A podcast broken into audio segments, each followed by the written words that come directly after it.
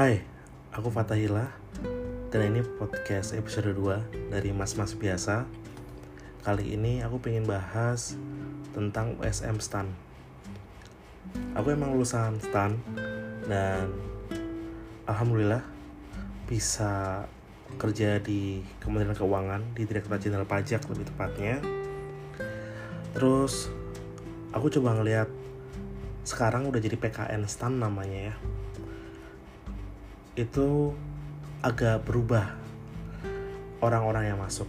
Kebanyakan atau mungkin hampir 50% nggak lebih dari 50% itu adalah uh, peserta bimbel. Dan bimbelnya ini mahal-mahal. Sementara kalau aku sendiri kan nggak ikut bimbel dan bisa ngerjain USM STAN itu menurutku lancar. Jadi aku kasih aja tips-tipsnya ya sebenarnya ini udah aku bahas di blogku. Nanti aku uh, tulis aja di Instagram. DM aja. Kalau misalkan mau tanya-tanya di akun Instagramnya aku. Tapi sekarang aku coba bahas tentang tips and triknya ya. Jadi prolog sedikit PKN STAN itu kan uh, sebuah lembaga sekolah kedinasan yang di dalamnya itu punya banyak spesialisasi jurusan. Ada bea cukai, pajak, akuntansi, penilai, kekayaan negara, terus perbendaharaan dan lain-lainnya. Nantinya setelah lulus akan ditempatkan dulu hanya di Kementerian Keuangan plus uh, PKF, PPKP seperti itu. Tapi kalau misalkan sekarang sepertinya lebih luas lagi.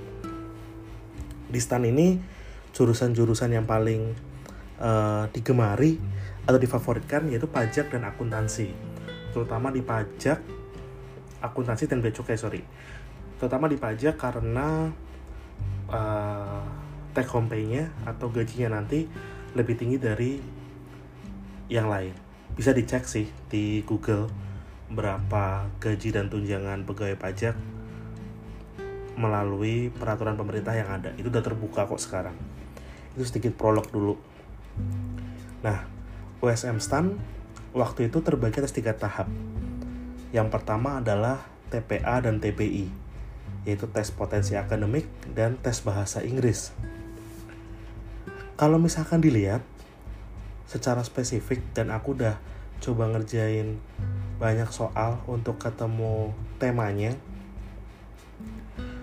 Jadi waktu aku masuk stand itu aku coba ngerjain mungkin hampir ada 10.000 soal dan aku ambil kesimpulan tes potensi akademik ini ada 120 soal dan biasanya dibagi tiga.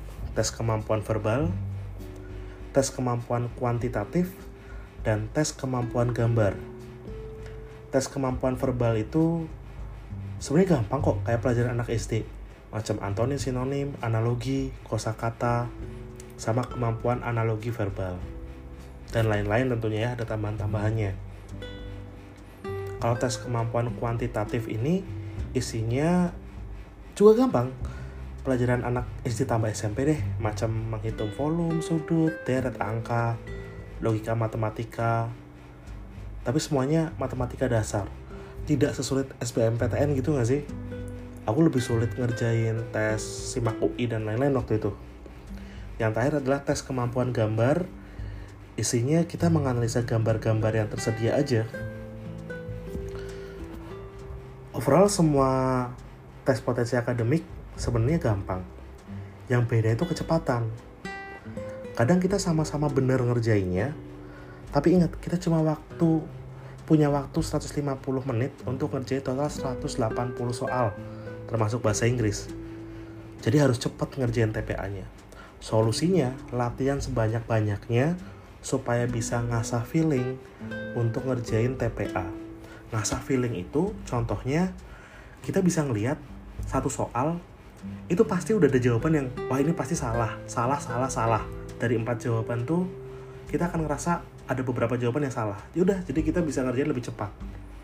Nggak bener-bener dihitung manual satu persatu kalau misalkan aku bandingin dari hasil uh, ujianku gitu jawabannya kan aku hafal jawabannya aku apa terus habis itu aku bandingin sama jawaban-jawaban yang beredar habis soal kan banyak ya.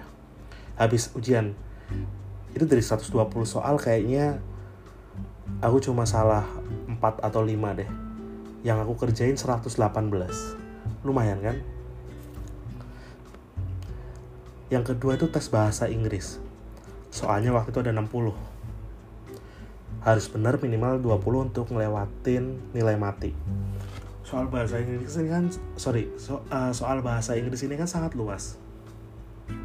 Jadi uh, waktu itu aku coba simpulin apa aja sih yang paling sering keluar di USM stand ternyata ada 13 ada concord tenses conditional sentence subjunctive modal and modal perfect conjunction causative gerund participle passive voice dependent and independent clause, word order, dan reading.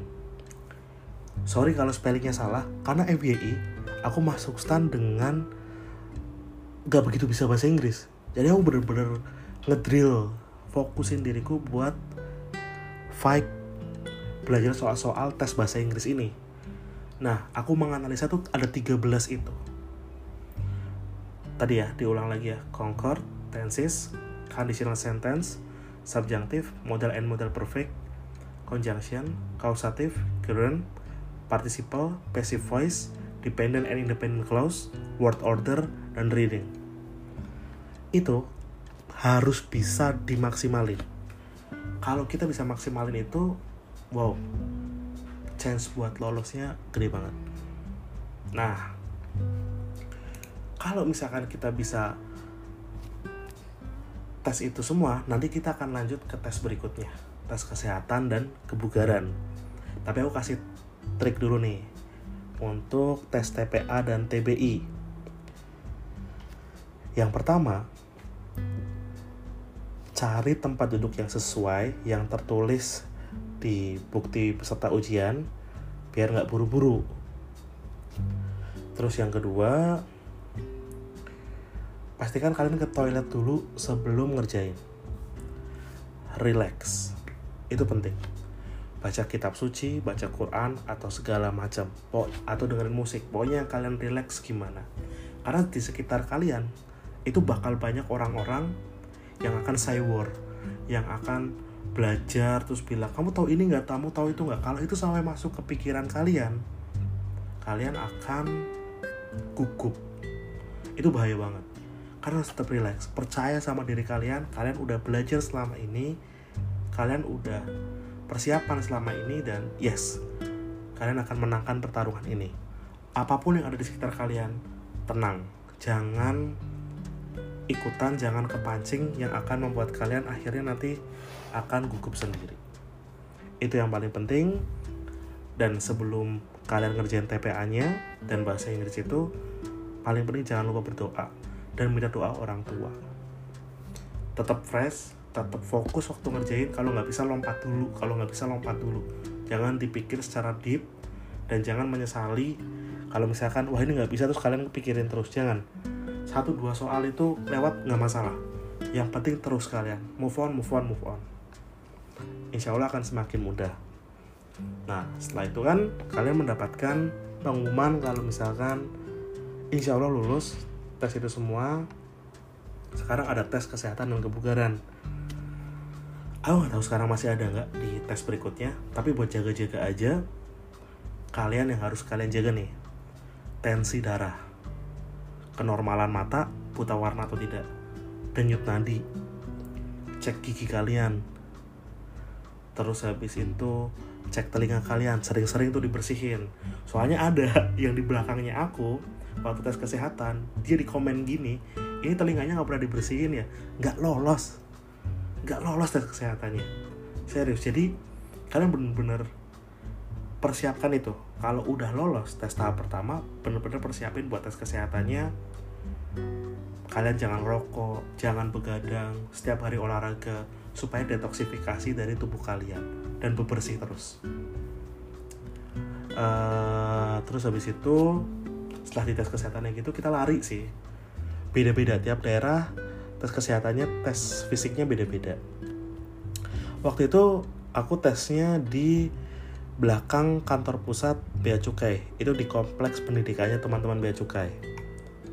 Yang pertama instruksinya adalah lari selama 12 menit keliling stadion di Bea Cukai itu. Kurang lebih stadion bola lah. Kalau misalkan bagus bisa di atas 5 putaran itu bagus banget habis itu kita disuruh istirahat 5 menit terus langsung lagi lanjut shuttle run sprint angka 8 di lintasan yang udah dibikin sama mereka Nah, apakah ada jumlah putaran yang pasti membuat kita lolos atau passing grade-nya? Nope, nggak ada. Aku punya teman yang bisa lari sama baiknya sama aku nggak lolos di tes kesehatan.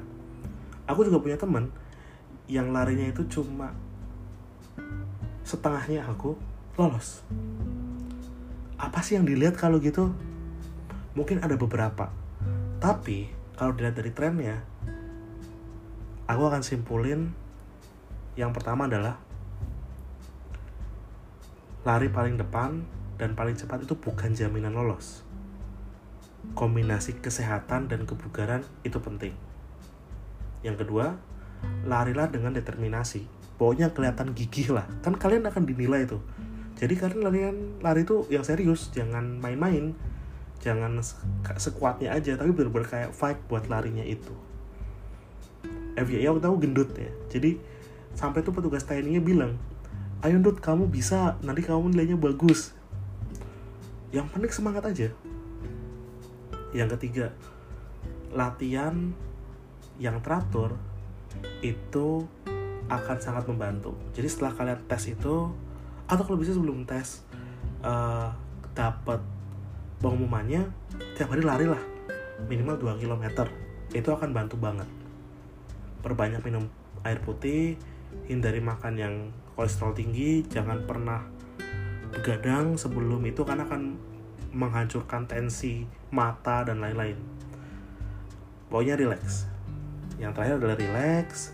Karena jangan sampai waktu dites kalian gugup malah bingung semua. Tes buta warna nggak bisa jawab denyut nadinya tinggi terus dan lain-lain. Itu malah kan jadi bumerang. Nah terus yang paling penting adalah mulailah manicure pedicure ya nggak harus kayak gitu juga sih tapi rawat bagian tubuh yang kalian bakal uh, tahu di ujinya caranya googling aja deh lengkap. Gimana kuku gimana telinga gimana mata hidung mulut gigi. Itu penting. Jadi kalau sebelum tes bersihin karang gigi dulu deh.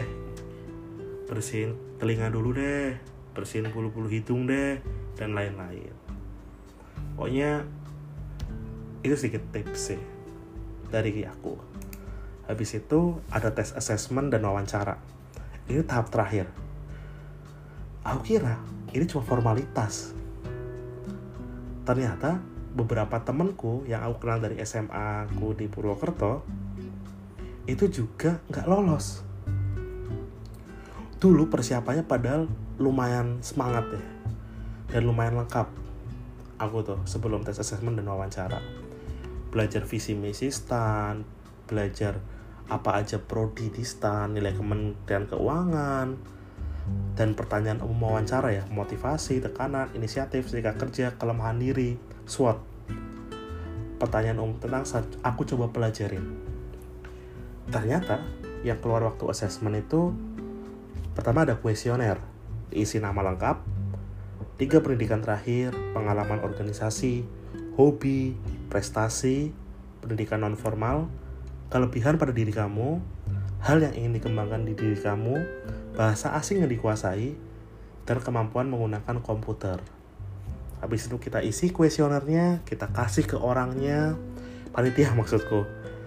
Habis itu diwawancarain. Isi wawancaranya kurang lebih ini.